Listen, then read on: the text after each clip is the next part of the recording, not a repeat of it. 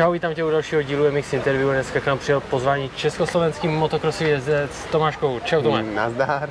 Hele, je ti vedro? Trochu, ale zatiaľ v pohode, zvládam to. Máme to i s větrákem, je to v pohodě. Hele, říkám československý jezdec, jsi Slovák, jezdíš za český tým, tak jak k tomuhle k tomu došlo? K tomuhle ty kolaboraci? No, ja som mal uh, taký trojročný alebo dvojročnú pauzu a vlastne rozhodol som sa pretekať znova, no oslovil som Martina Osičku a dal mi túto príležitosť a som za ňu hrozne vďačný, pretože v týme mám super podmienky a, a som spokojný. A co tě vedlo k tomu, že jsi zdával pauzu roční, dvouroční? Uh, neviem, nejak som to nezvládal psychicky a potreboval som si od motocrossu trochu odpočínuť a asi, asi toľko ti k tomu poviem. Hele, lidi hodně zajímá, kolik je ti let a jakou jezdíš kubaturu momentálně. Uh, je mi 22 rokov a jazdím triedu MX2. A odkud pochází ze Slovenska? Máš to třeba do Čech na ty tréninky, třeba nevím, s Martinem Krčem nějak daleko, nebo bydlíš stejně za hranicemi? No, keď sa stretávame v týždni s chalanmi na tréningu, tak to mám tak dve hoďky.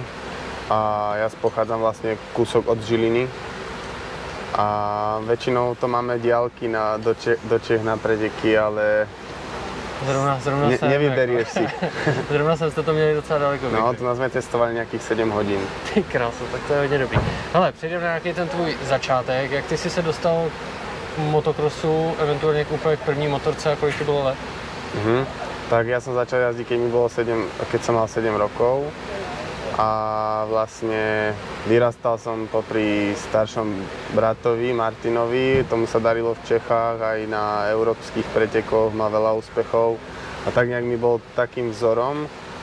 A, a jazdil som sa pozerať s otcom a s bráchom na preteky, no a tak nejak ma to chytilo a začal som vlastne vďaka tomu tiež. A kolik ti bylo let, když jsi měl svoji první motorku?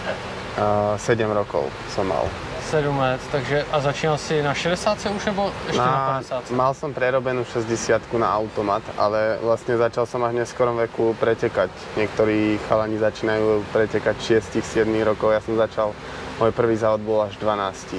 Takže vlastně těch, dejme tomu 5-6 let, si se věnoval nějakému tréninku, když to takhle nazvem? No, Nebo, nebo si zo, jezdil jen tak jako zo začiatku sme to nebrali vôbec vážne, len tak som sa vozil for fun. A potom vlastne nás oslovil jeden, jeden pán, čo, čo robil nový tím a vedel, že brat je talent, takže možno by som mohol aj ja niečo dokázať v tom motokrose, tak nás oslovil, no a chytili sme sa tej šance a tak nejak sme začali. A vzpomeneš si teda na svůj první závod, kde to bylo a jak si dopad? Úplne prvýkrát, keď som sa postavil za rebrík, tak to bolo tak nejakou náhodou. Chodili sme trénovať do Mohelnic na Supercross do haly v zime a prišli sme tam a bol tam proste nejaký organizovaný pretek. Takže vlastne to bol taký, taký tréningový pretek a prvý pretek úplne bol niekde na Slovensku. A viem, že hneď na druhý deň sme šli uh, do Pšerova na český majstrák. Mhm. Takže ještě to trošku schrnem. V 80 to bolo. Ty jsi teda začal na předělaný 65, na tý si víceméně jakoby trénoval, pak si přišel na 85, ještě bez závodů a Ano. na 85 se dostal jakoby k těmhle těm prvním závodům. Áno, áno, tak A ty první závody, tak hnedka si šel do nějakých těchto velkých mistráků, nebo zkou... ne, úplně v pohodě. E, Do nějakých velkých mistráků, nebo si zkoušel třeba nějaký kapy menší, nebo podobný.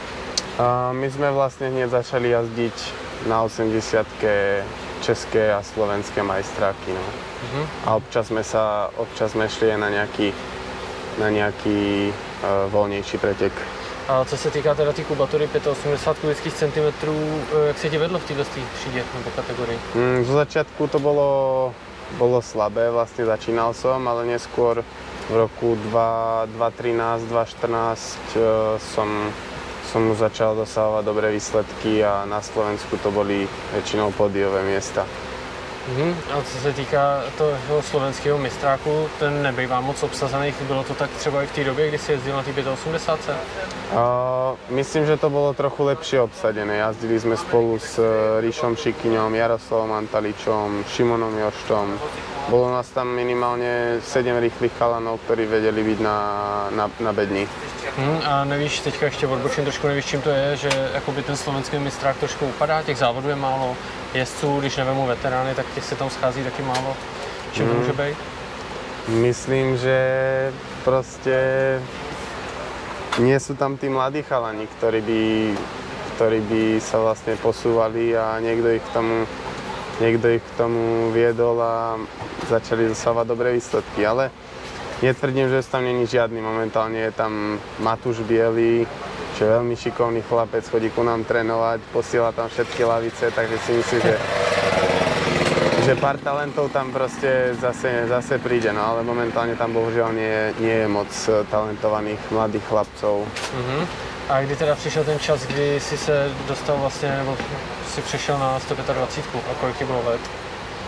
Na 125 som sa dostal vlastne v roku 2014, ale nie, teda 2015. A bolo, mal som asi 15 rokov, myslím. Mhm. A, a po, vlastne jazdil som na 125 2 roky, potom som si v jednej sezóne zlomil stehennú kosť a potom sme sa rozhodli, že prestúpim na 250 Mhm. K tomu úrazu se potom ještě taky dostaneme. A co se týká té 125, vydržel jsi tam teda dva roky, jaký byl tu nejlepší výsledek v té kubatuře? I třeba v Česku, i na Slovensku. Mhm. vezmu. Tam sme jazdili vlastne juniorský majstrák v Čechách a na Slovensku som bol tuším, že vicemajster. A, a v Čechách to bola tiež nejaká bedňa v tých juniorských majstrákoch. A, a zúčastnil som sa ešte aj majstrovstva sveta v junioroch. Ale výsledky si už nepamätám. Mhm. A v té době ještě jste nejezdili s Šimonem ve stejném týmu, mám takový pocit. Eh, Byl to tvůj velký soupeř? Jste skoro stejně tak věkově. Myslím si, že jste jezdili hodně spolu. Uh, v 85-kách sme mali veľa súbojov, čo si pamätám, a potom ja som vlastne prestúpil skôr do väčšej kategórie na 125 No a teraz to, a teraz to začalo znova. Dobrá, hele, to byly dva roky 125, pak přišlo teda to zranění, zlomil si stehenní kost. Jak se ti to stalo a kde to bylo? No, bolo to, na 125 som išiel pár pretekov uh, IMX 125, to je majstrovstvá Európy. A vlastne Arco di Trento v Taliansku som z toho trochu vystúpil a bol z toho takýto pád a nepekné zranenie. To bylo na nějakém skoku teda, jo? Nebo spíš rolety? Nebo Bola to skôr taká loop section, že, že 2-2, Jo, jo, jo, také jasně. rolety, no. Takže dvojáčky, něco jako máme zrovna tady v kaplici. Eh, Dobře, zlomil si nohu, na jak dlouho tě to zastavilo, tohle zranění? To ma zastavilo na dlhú dobu, to bolo vlastne pol roka, kým sa mi tá kosť dala tak dohromady a potom som ešte musel ísť vlastne vytiahnuť ten klín, čo mi dali do stehna a myslím, že tak celú sezónu som stál, no. Mhm. A jaký byl potom ten návrat na tu motorku? Jak se ti vracelo? Eh, Cítil se nějak Ja som nebo ne? myslím si, že som známy tým, že som mal akože dosť zranení v minulosti. Či, či už bola tá, tá stehenná koza, alebo mal som veľa operácií na kolena, asi 5 tuším, no a neviem, s tým, s tým návratom som už nejako, nejako som naň zvyknutý a vždycky sa mi podarí, podarí vrátiť v celkom dobrej forme. Dúfam, že mi to tento rok alebo už na dlhšiu dobu vydrží bez zranenia. Mhm. A vlastně, když ti doktoři už dovolili, vlastně, že můžeš jít na motorku, hned si na ní sednul a jel, nebo tomu předcházelo třeba nějaké cvičení, nebo jak to měl? Mm, to nejde hneď. Musíš to vždycky, hlavne keď máš také veľké zranenie a dlho nemôžeš nič z nohou robiť, tak ti opadnú všetky svaly Mhm. a proste musíš venovať nejaký čas posilovni a zase to svalstvo nabrať naspäť. Mhm. Dobře, dostaneme se teda k 250, k těm si přešel teda v roce, když to takhle spočítám, 15, 16? Jestli to počítám dobře, nebo 17? No 16-17. 16, 17. A to si jezdil ještě za tým vlastně někde tam u vás? Áno, to bol, eh, chvíľu to bol Slovakia MX Profi Team, Potom sme jazdili chvíľu za Emera Team a, a tak nejak, no. A vlastně ještě, než si se A dostal... potom, No, povědej. potom sme, ja som bol vlastne ešte, som zabudol na takú vec. som bol aj v Kosaku v nemeckom týme a bol som aj v belgickom týme Diga. A jak ses do těchto týmů dostal? E, Přišla ti jakoby nějaká pozvánka na to, A, to tam jít zkusit, nebo... Bohužiaľ v týchto tímoch to funguje tak, že musíš uh, zohnať nejaké finančné, finančné prostriedky a ale mal som na to, mal som na to svojich sponzorov a vlastne oni mi to umožnili. Mhm, takže oni vlastně ti sehnali to angažma a jel si závodit tam. Áno, tam bola vlastne priorita ADAC a majstrovstva Európy. A tohle to všechno to bylo ještě vlastně před tou pauzou, o které jsme se bavili na začátku. A jak se ti tam dařilo vlastně na tom Adaku a tohle a jak tě to celkově bavilo a i nějakým způsobem posunulo, jestli jsi to třeba Mhm. cítil. No myslím si, že posun tam určite nejaký bol. Na Adaku sa mi potom posledný rok začalo dariť, že som jazdil do top 5, do top 8 a tam bola celkom dobrá konkurencia. A na tej Európe to bolo ešte, ešte ťažšie a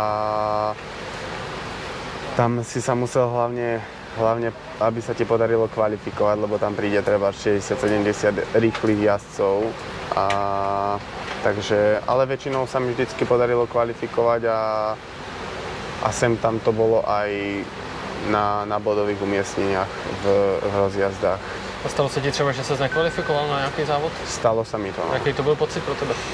jako pro jezdce. Vím, Nie že tým to je jasný, ale Nie je moc dobrý, pretože všetko sú to diálky, cestuješ tam 10 hodín a proste máš zlý deň, dáš si dve rozíšky 20 minút a môžeš to zbaliť aj z domov. No. Si trochu nasraný, ale tak musíš sa s tým vyrovnať a, a proste ďalší závod dúfa, že to tam padne. A vlastně z té ciziny, z těch týmů, kde jsi jezdil, vrátil jsi se potom ještě na nějaký ty slovenský, český mistráky ještě před tou pauzou? Nebo to skončilo jakoby víceméně tam? No, skončilo to viacej menej tam, ale keď bol voľný, voľný termín, že sa nekrižoval český majstrák alebo slovenský, tak sme sa vždycky snažili prísť aj na Slovensko alebo do Čiech. Mhm. Zrovna, zrovna semka v Kaplici, keď som jazdil v tom belgickom týme, tak som tu na prišiel a sa mi zadarilo zajazdiť na bedni na druhom mieste. Mhm, mhm. Dobrá. A pak přišla teda zmiňovaná pauza. Co jsi dělal dva roky, když jsi nejezdil na motorce? Chodil do práce. A to bylo z jakého důvodu? Jakoby přešla tě chuť na motorku, nebo No. spíš jakoby byly jiný zájmy, dejme tomu i finanční, že jo, práce? No to nie, skôr som mal, skôr ma to tak nejako, neviem, už som, už som nemal takú tú iskru do toho jazdenia a potreboval som si asi oddychnúť, no. Mhm. A kde se v tobě pak vzala, nebo nastartovala se v tobě ta jiskra, že jsi si řekl, tyjo, tak jdu znova trénovat, protože ten trénink to je každodenní No, práce. najskôr som si kúpil motorku, že sa budem voziť len tak, for fun. No a potom ma to vlastne chytilo, vrátili sa mi všetky tie spomienky a chuť do toho pretekania, takže A co na to říkali tvoji sponzoři třeba, který jsi měl už třeba nějakou dobu, řekl si, že končíš, pak si řekl zase, že do toho jdeš boli prekvapení, no. a šli do toho s tebou víceméně všichni třeba? Nebo? A zatiaľ, zatiaľ vícemeně, nie, nejak som ich už neoslovoval, pretože ten môj, e, o moje ukončenie kariéry som trochu urobil takým náhlým spôsobom, si mys, aj by som sa nechcel za to ospravedlniť, ale tak s tým už nič neurobím, no a neviem, možno sa ešte dáme niekedy v budúcnosti dohromady. To je hodně dobrý. Dobrá, takže teďka jezdí za osičku MX Team, jste tady tři borci, co jezdíte tyhle ty mistráky, objíždíte český i slovenský mistráky. Jaká jste parta, jak jezdíte trénovat a jak, jak V zime, v zime sme trávili spolu veľa času, boli sme 5 týždňov v Španielsku, v Redsande a s chalanmi vychádzame dobre a myslím si, že sme takí vyrovnaní rýchlosťou. Niekedy je jeden, niekedy je Šimon rýchlejší na tréningu, niekedy Martin. Ja som není väčšinou na tréningu rýchlejší, musím, musím sa priznať, ale tak ja sa, mne to vyhovuje že sa môžem za nimi, za nimi ťahať. Aha. A ještě, když se bavíme o osičce, vlastně ty si říkal, že si poptal asi teda ten tým, jestli by si za ním mohl, nebo za ně mohl jet, eh, jak tohle to fungovalo.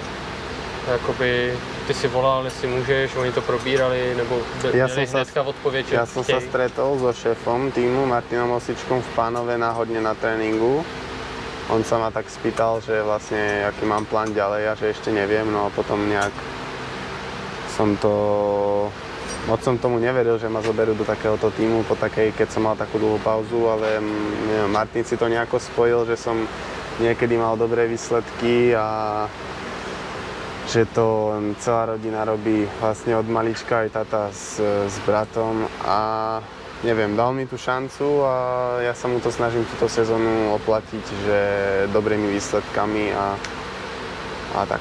Hmm, to myslím, že se ti zrovna daří, protože ty pódiovky tam už začínají být, to se mi docela líbí. A zmínil si rodinu, zajímalo by mě, jak nahlížela rodina třeba na tu tvoji pauzu, stáli při tobě, že prostě už nechceš jezdit v tu dobu, nebo tě třeba i přemlouvali, že by si No, měl. tak přemluvali ma, a, ale nič, no, stali pri mne a, a tak, bolo to, nechali mi taký nejaký voľný priebeh. Tak to má být. Hele, ještě dostaneme se k tomu tvýmu tréninku. Jak vypadá tvůj trénink? Eh, Jezdíš víceméně na motorce, nebo jsou to i nějaké jiné věci, jako koloběh, plavání, takový? Mňa, mňa baví od malička hrozne športovať, takže keď už, to, keď už to je zimná príprava, tak veľa robím crossfit. To vlastne Segra robí trénerku, tak ona mi s tým trochu pomáha, teda dosť. A veľa jazdím na bicykli, na horskom, motorka, plávanie tiež robím, sem tam si zajdem na nejaký box. A vlastne, vlastne všetky športy, kde sa nejako fyzicky zničíš. Dobrá, hele, ještě by mě zajímalo, co se týká motorky a servisu. Jak ty seš na tom? Jsi schopný něco si udělat na té motorce sám, nebo jsou věci, které si děláš sám?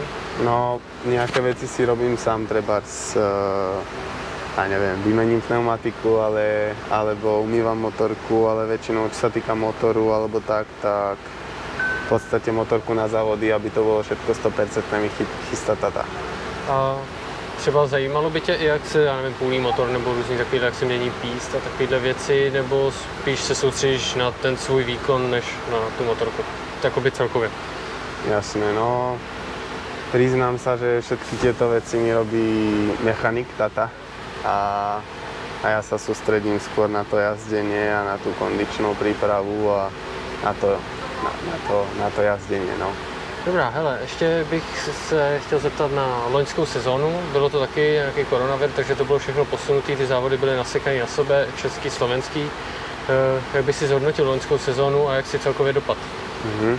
No, v minulej sezóne vlastne ja som sa pripravoval celú zimu na motorke a išli sme aj kontrolný závod v Dalečine, ale bohužiaľ e, po kontrolnom závode sme šli na tréning do Břeclavy a tam som vlastne preskočil jeden skok a, a vlastne zranil si koleno.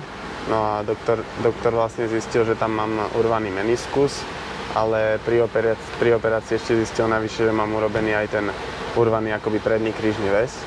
A, a ako si už spomínal, že bola tá korona, korona sezóna, že nebolo moc závodov, tak som sa rozhodol to koleno dať 100% do poriadku, takže som si dal urobiť aj ten predný krížny väz, aj ten meniskus a, a nejak to poriadne zrehabilitovať, až som na túto sezónu fit. A, takže minulú sezónu som vlastne nejazdil ani jeden závod. Mhm. Vlastne celú sezónu som stál. Dobrá, a když zmíníme tuhle tu sezónu teda, už jsou odjety nějaký závody, zítra nás čeká myslím čtvrtý závod. Jak vidíš tuhle tu sezónu, jaký máš třeba ambice? Mhm. Tak na Slovensku som po druhom preteku momentálne prvý. Darí sa mi tam jazdiť podiové umiestnenia, takže nebudem klamať, chcel by som zabojovať o ten titul. Mhm. A v Čechách som tiež štvrtý, tu na je trochu väčšia konkurencia, myslím že ťaž, bude to ťažšie bojovať o ten titul alebo tú top trojku. Ale ja sa to budem snažiť chalanom znepríjemniť a zabojovať minimálne do, do, o tú top trojku. Dobrá, dobrá, super. Hele, děkuji ti za příjemný rozhovor a držím ti palce, aby ti to všechno vyšlo. Díky. Díky moc.